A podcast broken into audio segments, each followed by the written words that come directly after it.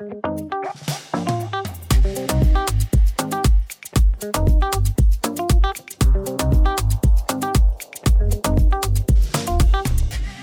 och välkommen till Stadsutvecklingspodden. Podden för dig som är intresserad av hållbar utveckling i allmänhet och hållbar stadsutveckling i synnerhet. I den här podden pratar vi om och väcker frågor kring allt som har med stadsutveckling att göra. Det här avsnittet ska handla om hur man bygger klimatsmart och hur fastighetsbranschen samverkar med forskare. Podden görs av Institutet för hållbar stadsutveckling i Malmö som är en eh, samverkansplattform för Malmö universitet och Malmö stad.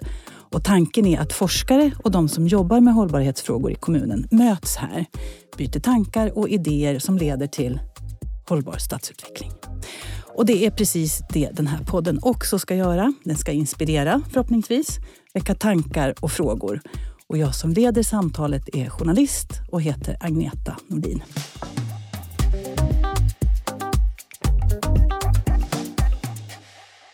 Det händer hållbara grejer i Malmö. Här byggs bland annat Fyrtornet som ska bli landets högsta kontorshus i trä med sina elva våningar. Fyrtornet kommer att ingå i det område i stadsdelen Hylje som ska heta Embassy of Sharing och precis som det låter vara ett område med fokus på delningsekonomi. Och hälften av byggnaderna blir bostäder och hälften kontor. Och det ligger ju rätt i tiden. För innan året är slut så ska regeringen presentera en klimathandlingsplan som ska ta ut riktningen för hur de så kallade klimatmålen för 2030 och 2045 ska nås. Och där ingår naturligtvis byggbranschen. Men idag så står ju stora delar av byggbranschen stilla. Projekt pausas i väntan på bättre tider. Vi läser om Malmös gröna byggprojekt Segerpark som inte kommer att bli klart som planerat. Men det kommer ju som vi vet bättre tider och då ska det smarta byggandet ta fart med full kraft. Antar jag och hoppas väl ni antar jag. I dagens avsnitt så riktar vi alltså fokus på bygg och fastighetsbranschen och hur den kan bli mer klimatsmart i samverkan med akademin, med mig i studion har jag Rickard Sjöqvist som är teknik och hållbarhetschef på Granitor Properties och styrelseledamot i LFM30. Karin Staffansson Pauli som är lektor i fastighetsvetenskap vid Malmö universitet och utvecklingsledare i föreningen CFFF, Centrum för fastighetsföretagande. Och så Lotta Strömgren Jönsson som är konsult och styrelseordförande för CFFF. Och det kan tilläggas att just CFFF drivs av Malmö universitet och Lunds tekniska högskola i samverkan med fastighetsbranschen. Välkomna alla tre. Och nu hoppas jag att jag fick med allt det här. Alla F och alla titlar. Okej, okay. välkomna. Tackar. Tackar.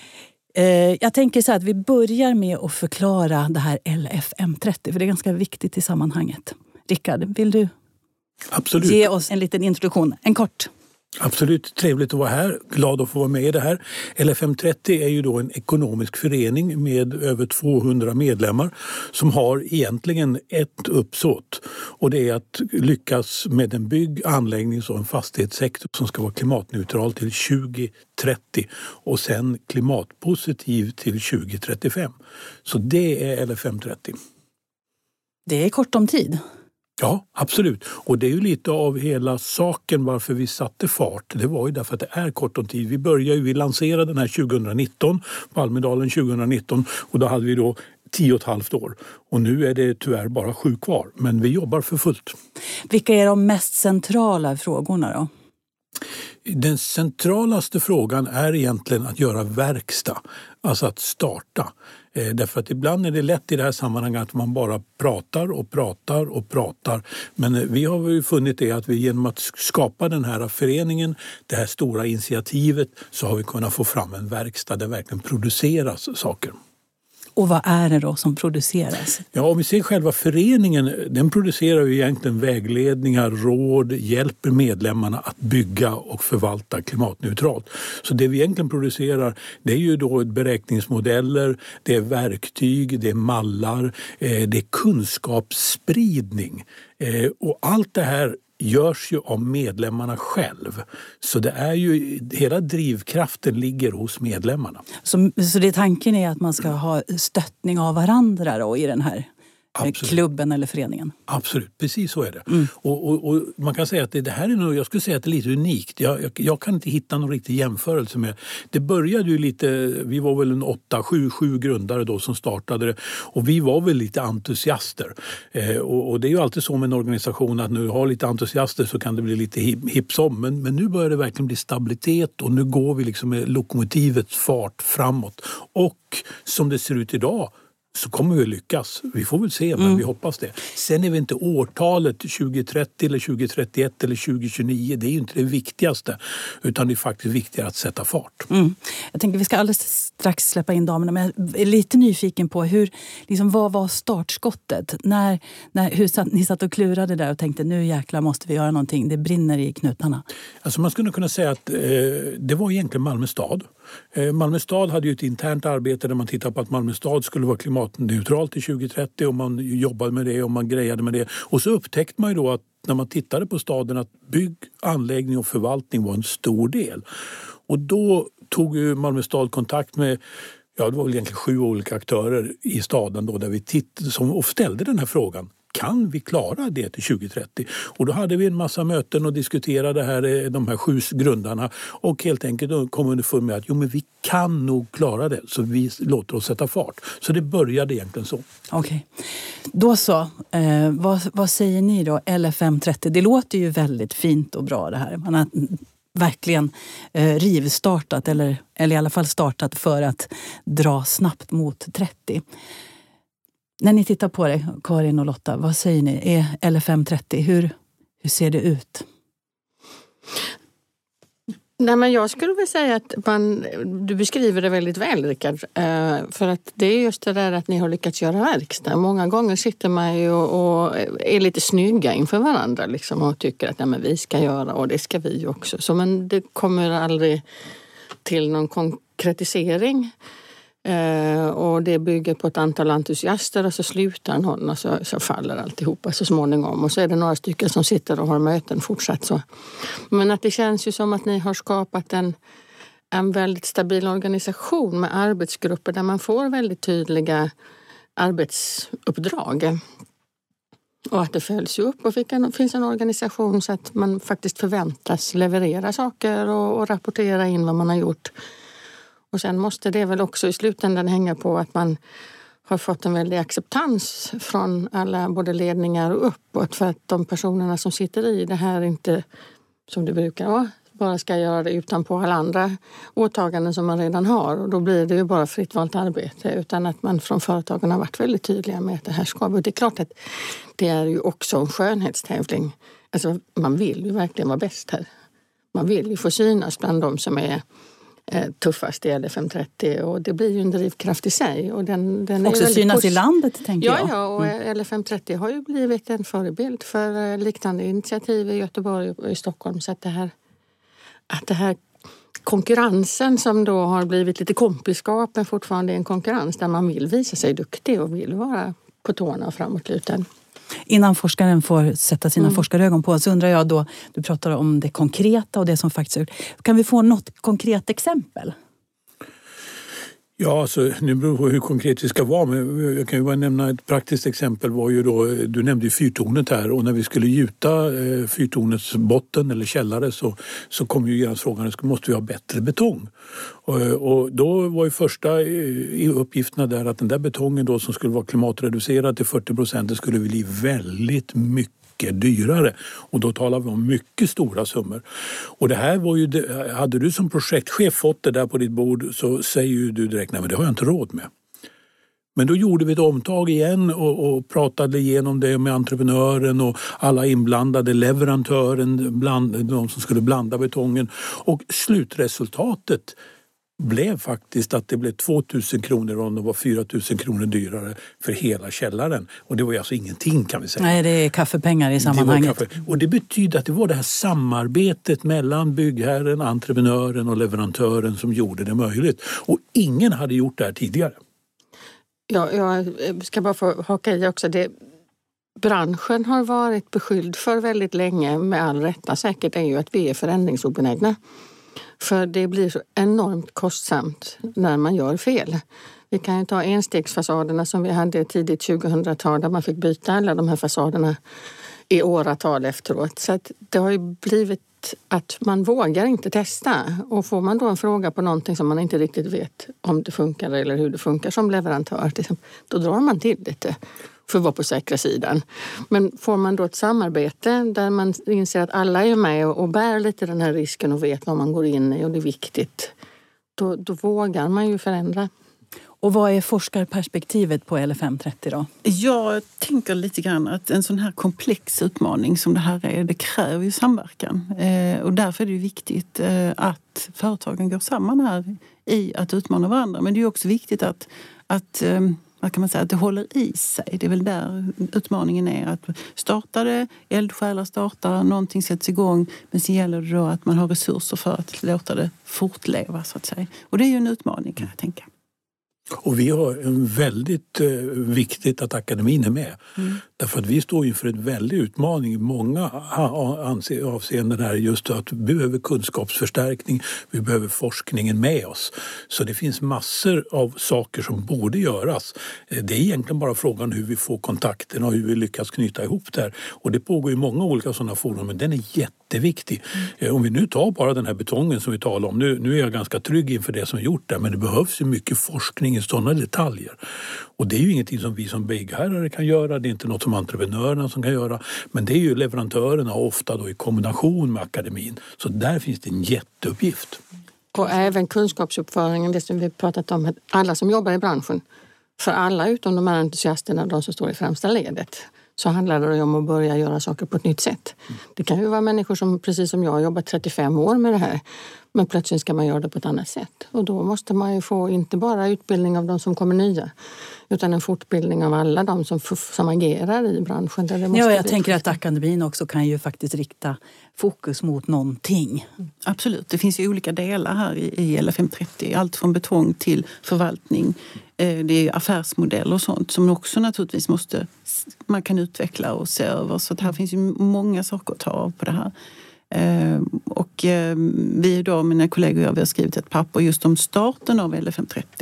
Ehm, där just det här hur, hur viktigt det är för att samverka i den här komplexa utmaningar. Men då är ju också det här viktigt med resurser, eh, identitet. För det finns ju olika organisationer med olika identitet som ska sammanstråla. Hur får man detta till något nytt, större? Eh, också naturligtvis. Det ja, jag tänker det finns ju olika intressen här och du pratar mm. om en bransch som, är, mm. som inte är så förändringsbenägen. Hur lyckas ni kittla igång alla så att, så att man vill gå då i samma riktning? Förutom att vi säger att jorden håller på att brinna upp. Jag, jag, tror just det där att det här är ett ämne som berör alla. Eh, och du får igång de här entusiasterna och de kommer igång.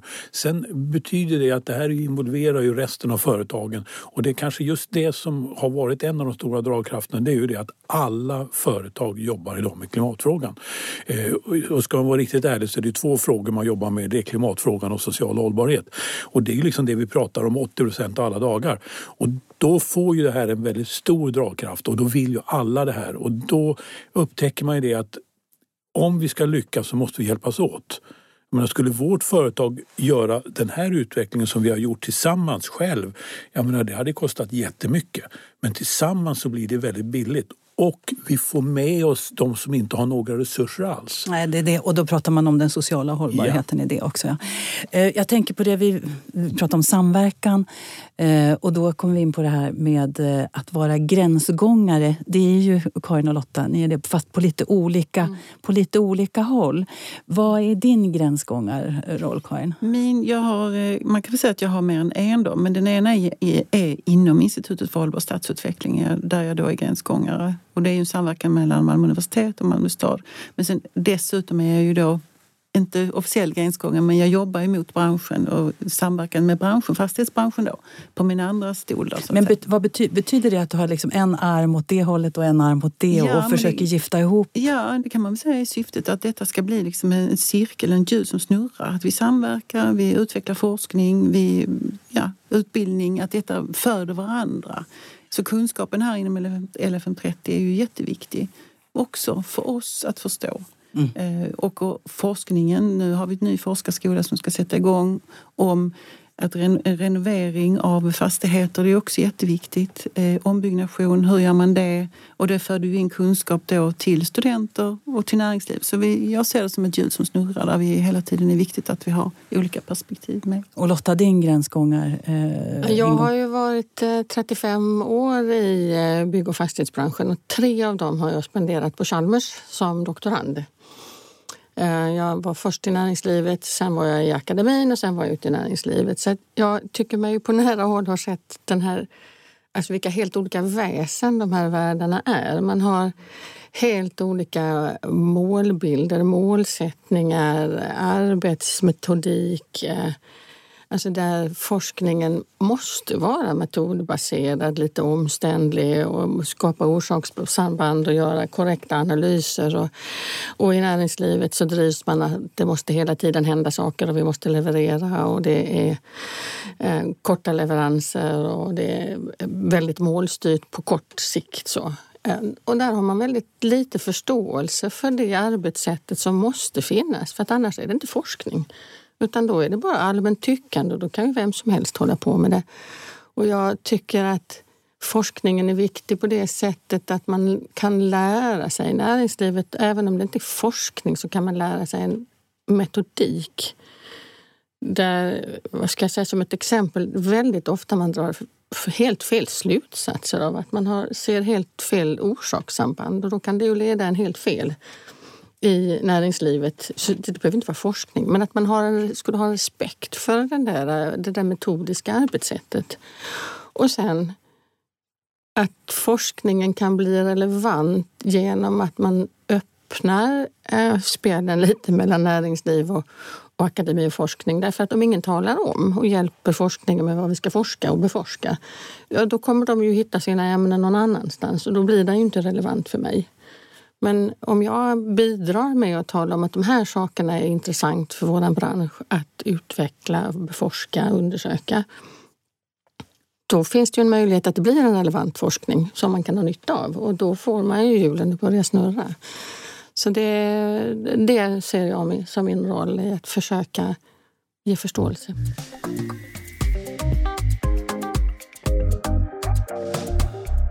Du lyssnar på Stadsutvecklingspodden. Idag om fastighetsbranschen och klimatmålen. Och med mig har jag Rickard Sjöqvist, Lotta Strömgren Jönsson och Karin Staffansson Pauli. Eh, Lotta, du var inne på det när du berättade om ditt gränsgångarperspektiv. Jag tänkte vi kunde rikta lite fokus på det som... Det låter ju fint det här med samarbeten och samverkan men jag gissar att det både finns utmaningar och kanske till och med risker. Vad skulle du säga Rickard, vad är den största de största utmaningarna? Ja, vi nämnde en tidigare och den är faktiskt väldigt stor. Det, det är här när du går från en entusiasmdriven organisation till att du måste skapa en mer robust, genuin organisation som verkligen fungerar. Där är det ett problem. För entusiaster det kan vara lite hejsan hoppsan och de bidrar men då får du inte riktigt fram det. Och sen när du kommer till den mer, mer organisatorisk verkligen att driva saker framåt, då kan det vara risk just att samarbetena eh, tar slut så att säga. Så att det är väldigt viktigt. Det här, jag, jag vill nämna att vi samarbetar egentligen i, inom fastighetsbranschen i många områden och har gjort i 20 år, kanske 30 år, mycket lyckat. Och då nämner jag bara några exempel för att man ska veta. Vi tar Belock och Bebo-gruppen som jobbar med energifrågor. Sitter alla fastighetsbolag, talar om de här energifrågorna som gäller det. Du har ju medlemsorganisationen Byggvarubedömningen som jobbar med, med de kemiska ämnena och, och, och kontroller av det byggmaterialet. Samma sak sitter alla fastighetsbolagen och andra konsulter och andra som är inblandade här och jobbar tillsammans. Och nu är det 530 då som är inriktad på klimatfrågan. Så man kan verkligen se att det fungerar. Men det fungerar fortfarande på att de faktiskt är intresserade av sitt ämne. Mm. Så det är inte vem som helst som kan engagera sig utan de är intresserade av det. Karin, vad skulle du säga? Vad är de största utmaningarna med de Men, samverkansprojekt? Jag håller ju med Rickard här. Att det är just det här, entusiasterna börjar och man sätter igång någonting. Men sen gäller uthålligheten är ju viktig och att organisationen, att det blir en riktig organisation av det med en egen identitet. Så att det kan fortleva. Ehm, så att man brukar säga att syfte, mål, resurser, gränsdragning och också då ehm, eh, utbytet mellan eh, de här olika företagen eller organisationerna mm. är jätteviktigt. Lotta, ser du några risker med det här? Med samverkan eller med att försöka gifta ihop alla de här olika viljorna? Nej, det eh, kan jag inte se att det skulle finnas några risker i att samverka så. Utan riskerna finns väl i om man inte samverkar snarare. För då blir det ju att man liksom sitter på sin egen lilla kammare och bedriver forskning. Eller, eller du menar samverkan mellan företagen? Nej, jag tycker att du har beskrivit det bäst av alla en gång, Rickard, när vi pratade om det här med det man skulle kunna tro var en risk att man liksom delar konkurrenshemligheter egentligen, när man som företag vill ha sina speciella lösningar som är de som man vill liksom, attrahera kunder och attrahera um, vad ska man säga, fokus på. Uh, men, men du får gärna beskriva den där båten för det, det är ju det som är liksom hela bilden i det här. Att jag frågade dig, hur kommer det sig att man faktiskt vågar dela med sig av de här konkurrenshemligheterna och konkurrensfördelarna. Ja, för det skulle ju kunna vara risker, i alla fall ur ett ekonomiskt perspektiv. Liksom, ja. eller, mm. Det finns ju en risk, men vi, vi inser ju på något sätt att vi sitter i samma båt. Mm. Och det är visserligen en ganska stor båt, för vi är många människor i den. Den här båten läcker och vi har hål i båten. Och då i den situationen börja fundera på, är det jag eller du eller vem som ska göra det? Vi måste ju alla dra vårt strå till stack för att stoppa det här läckaget av båten och hindra den från att sjunka. Och det är ju egentligen det vi talar om. Jag menar, eh, ICCP-rapporten är ju 100% klar så det finns ju ingen tvekan längre. Och då måste alla dra sitt strå till stacken. Och det är ju L530 ett gott exempel på att man gör. Mm. Verkligen. Eh, du nämnde i, i PCC, vi har mål, eh, jag pratade om det, regeringens mål där fram, framgent. Vi har ju också de europeiska klimatmålen och, och eh, anpassning, då, de här miljömässigt hållbara. EUs taxonomi pratar man om. Eh, hur, hur ska man få eh, fastigheter att bli så hållbara som möjligt så att det där uppfylls? Eh, du nämnde ordet risk. Och då skulle man vilja säga, både med tanke på EU-taxonomin och med tanke på lagar och paragrafer idag, så risken idag en av de största riskerna är ju att den politiska viljan har gått ner. Mm. Så, så jag vill nog säga det att eh, det vi för två år sedan kände oss ganska trygga med var ju att faktiskt den här frågan var viktig. Den har tappat fart. Och, då tycker många då att ja, men titta på EU-taxonomin och det är positivt men man ska också vara medveten om att mycket av det som kommer från EU är ganska enkelfixerat generellt och man koncentrerar sig på energifrågan. Och, och det, klimatfråga är inte bara energi. Så att mycket är riktat på energi, minska energi. Men vi ser väl kanske lite att vi måste minska på det som bidrar till klimatfrågan. Så att Men är det är på politikbordet det, det ligger på, i alla fall? Ja, mycket svårt.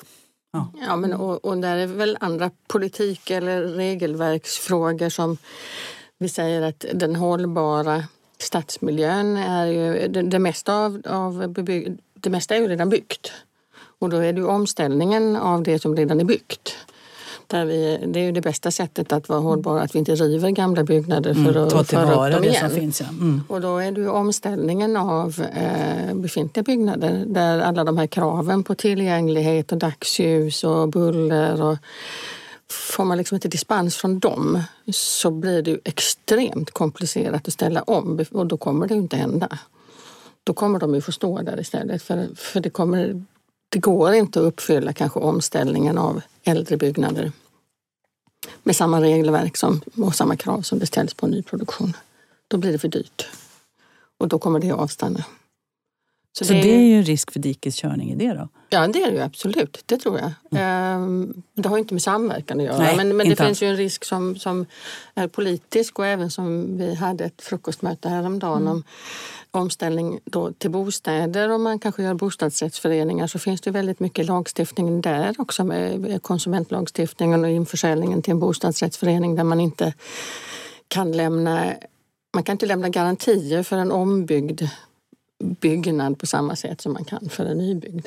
För man vet inte riktigt exakt. Eh, Nej, jag vet inte vad som händer. Vad säger du Nej, men Jag tänker också att eh, det kanske är så att det är ett paradigmskifte just mm. med, med att se på just det om, alltså ombyggnationen.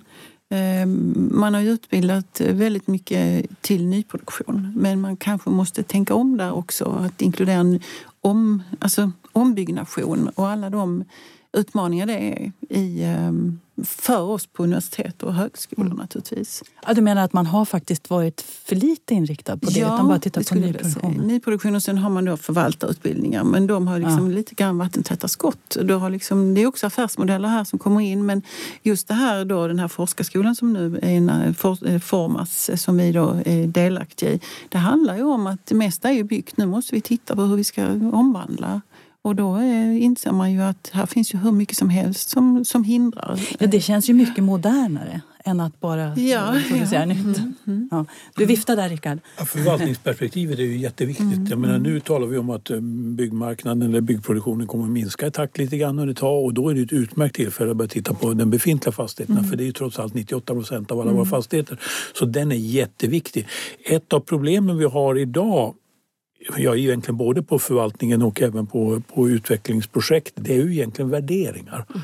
Alltså hur värderas en fastighet? Och då tänker jag då på från värderingsinstitutet och långivare och de som har ja, gröna obligationer eller annat. Och, och ska man då ta ett praktiskt exempel, om vi bara tar flerbostadshus idag så har vi ju väldigt mycket miljonprogram och de här renoveras.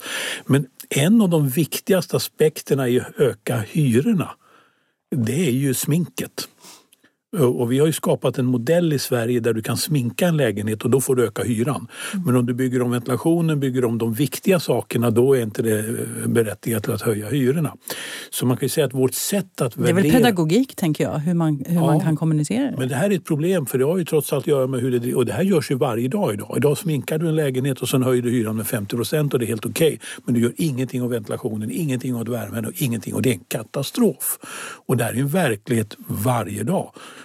Och det har jag ju nämnt vid många tillfällen men det är ingen som ser någon möjlighet. Och kanske mer betydelsefullt än att man målar om och sätter ny tapet i köket. Katastrof men att göra det. ska det inte vara Då kommer forskaren in här. Jag tänker det ska ju ingå i underhållet. Mm. Alltså att underhålla ventilation och, och stammar och så vidare. Det ska ju ingå i underhållet. Det är väl där man, man Precis, ser det är inte kvalitetshöjande, för, för den som Nej. bor där. Vi har nog skapat ett ekonomiskt sätt och ett sätt att göra våra bokslut och mm, räkenskaper ja. som inte gynnar det här. Nej, nej, eh, gammal tid så sparade man pengar och hade pengarna kvar. Det har man inte idag. Nej.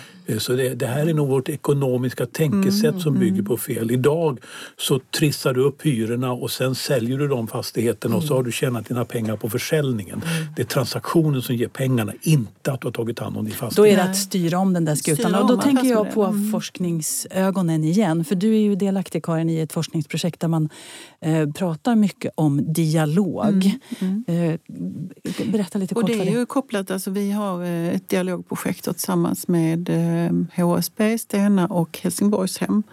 Eh, där bland annat, flera av de här är då delaktiga i LFM30 och dialog måste man ju ha. Dialog måste man ha med sina hyresgäster bland annat. Och här var bara exempel vad som har hänt här i Malmö då där man har gjort miljörum, tittat på miljörum. Hur ska man kunna effektivisera, göra det trevligare, göra det bättre som både gynnar klimatet och drar ner kostnaderna naturligtvis Eh, för fastighetsbolaget. Så det är jättespännande. Men det handlar ju om att hela tiden ha en dialog eh, oavsett vad det är egentligen. Eh, med att ha relationer med hyresgäster. Att relationer inom LFM30, relationer det är ju det som det är då någonting händer. Liksom. Ja, och branschöverskridande ja. då för att förstå varandras ja. olika verkligheter. Ja. Hörrni, det går fort när man har roligt. Jag tänkte att vi skulle avrunda med den här, och du var ju inne på det nu när du berättade om ditt dialogprojekt eller forskningsprojekt med dialog. Eh, när man eh, på, på allvar liksom kan få akademin och branschen att faktiskt eh, kommunicera eller ha dialog tillsammans. Hur man gör det på riktigt? Ja, jag tror att det viktigaste är forskningsprojekt. För det innebär att vi jobbar långsiktigt, vi jobbar över en tid och vi får syn på olika saker tillsammans. Det tror jag är det viktigaste. Forskningsprojekt är jätteviktigt. Fast sen tror jag att vägen in i ett forskningsprojekt, alltså sitter man i näringslivet, eh, ett branschföretag och så säger man, vill du vara med i ett forskningsprojekt? Då gör de, oh! det är jätteläskigt. Hur gör varför, man det? Varför det? Nej, men alltså, det känns som att man tar på sig ett stort åtagande och mm. då måste vi lägga massa tid på det. Och så kommer de och ställer frågor. Och, och, och, och så Alltså det där att, att öppna upp för att börja med en intervju och vill du vara med, vi behöver titta över vår mm. utbildning, vi kommer att ha ett kort projekt, kan vi få göra en intervju, vill ni vara med? Alltså att man börjar också lite små steg. Absolut, absolut. Så att man öppnar upp den där akademiska världen. Men jag tycker ju då, om jag nu får säga något positivt här mm. som forskare, inte bara kritisk, eller så, det är ju att vi har ju då samverkan här med, fastighetsbranschen, CFFF. Och där har ju vi, tycker jag som akademin, ingång, snabb access, vi har nära relationer, men det handlar om relationer. Och det är där vi liksom, vi måste ju ha relationer, annars funkar det inte. Nej, och det var ju som vi har gjort eh, den ansökan som vi tyvärr inte fick. Nej, men som handlade om tillsammans med LFM30 från KK-stiftelsen söka pengar för högre utbildning inom hållbar Ja, för, eh, för folk som jobbar ute i branschen att ha en eh, avancerad nivå på en utbildning. Och då fick vi inte de pengarna. Nej. Men det födde ju en dialog ja. och det kan leda liksom till att vi tar upp det där i ett annat sammanhang. Och kanske lite möten. Mm. Mm. Vad säger du Rickard? Jag, jag, tror egentligen det finns hur många kopplingar mm. som helst och det finns ju ett enormt behov av forskning och samarbete mellan näringslivet och akademin. Och, och tar vi nu bara när det gäller klimatfrågan då så, så det finns ju massa saker som vi borde göra. Det, jag är bara okänd, hur får man det gjort? Mm. Eh, det har jag inget begrepp om. Mm. För, eh, om vi nu bara nämner något exempel så är det så att vi är väldigt duktiga på att klimatberäkna byggdelar och då mm. menar jag trä och betong och sten och tegel. Men någonting vi idag inte kan beräkna det är ju installationer. Det finns lite hjälpmedel. Alltså det behövs ett jättejobb att titta på de här djupare. Det, det bara, kör vi bara schabloner idag. Mm.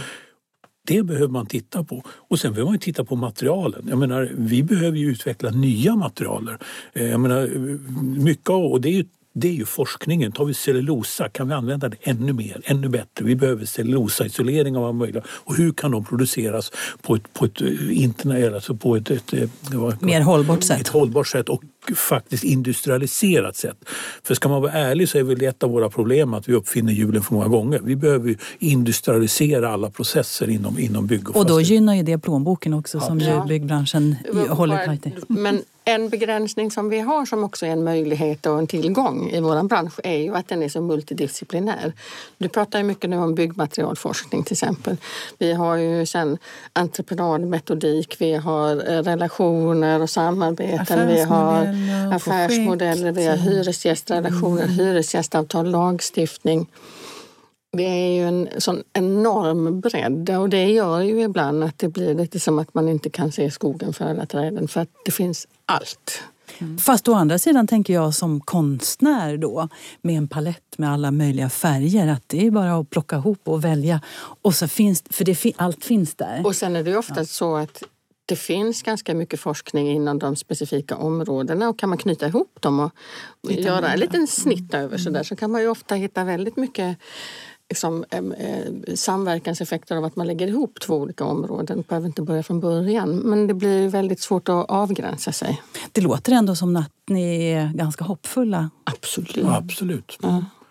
Vi måste ju jobb, fortsätta jobba framåt och så jobba på. Och så får man ju gå över vissa hinder. Det kan ju vara olika hinder. Ibland kan det vara mer sin egen tankevärld som är hindret än, än ett verkligt problem. Mm. Jag kan nämna ett litet kul exempel. Jag, jag har ju i över tio år så har jag för skojs skull sagt en sak som jag hade önskat att någon skulle forska på. Och det har jag sagt så här, i olika sådana här konstellationer har jag sagt det då. Men det här, kan inte någon titta på det här? Och det är en sån enkel sak som Behöver man varmvatten på en offentlig toalett? Eller kan man ha bara kallvatten och tvål? Och jag tyckte det är super, det har jag sagt nog i tio års tid. Mm. Det är aldrig någon i något sammanhang som har sagt jag tar bollen, vi ska kolla på det här.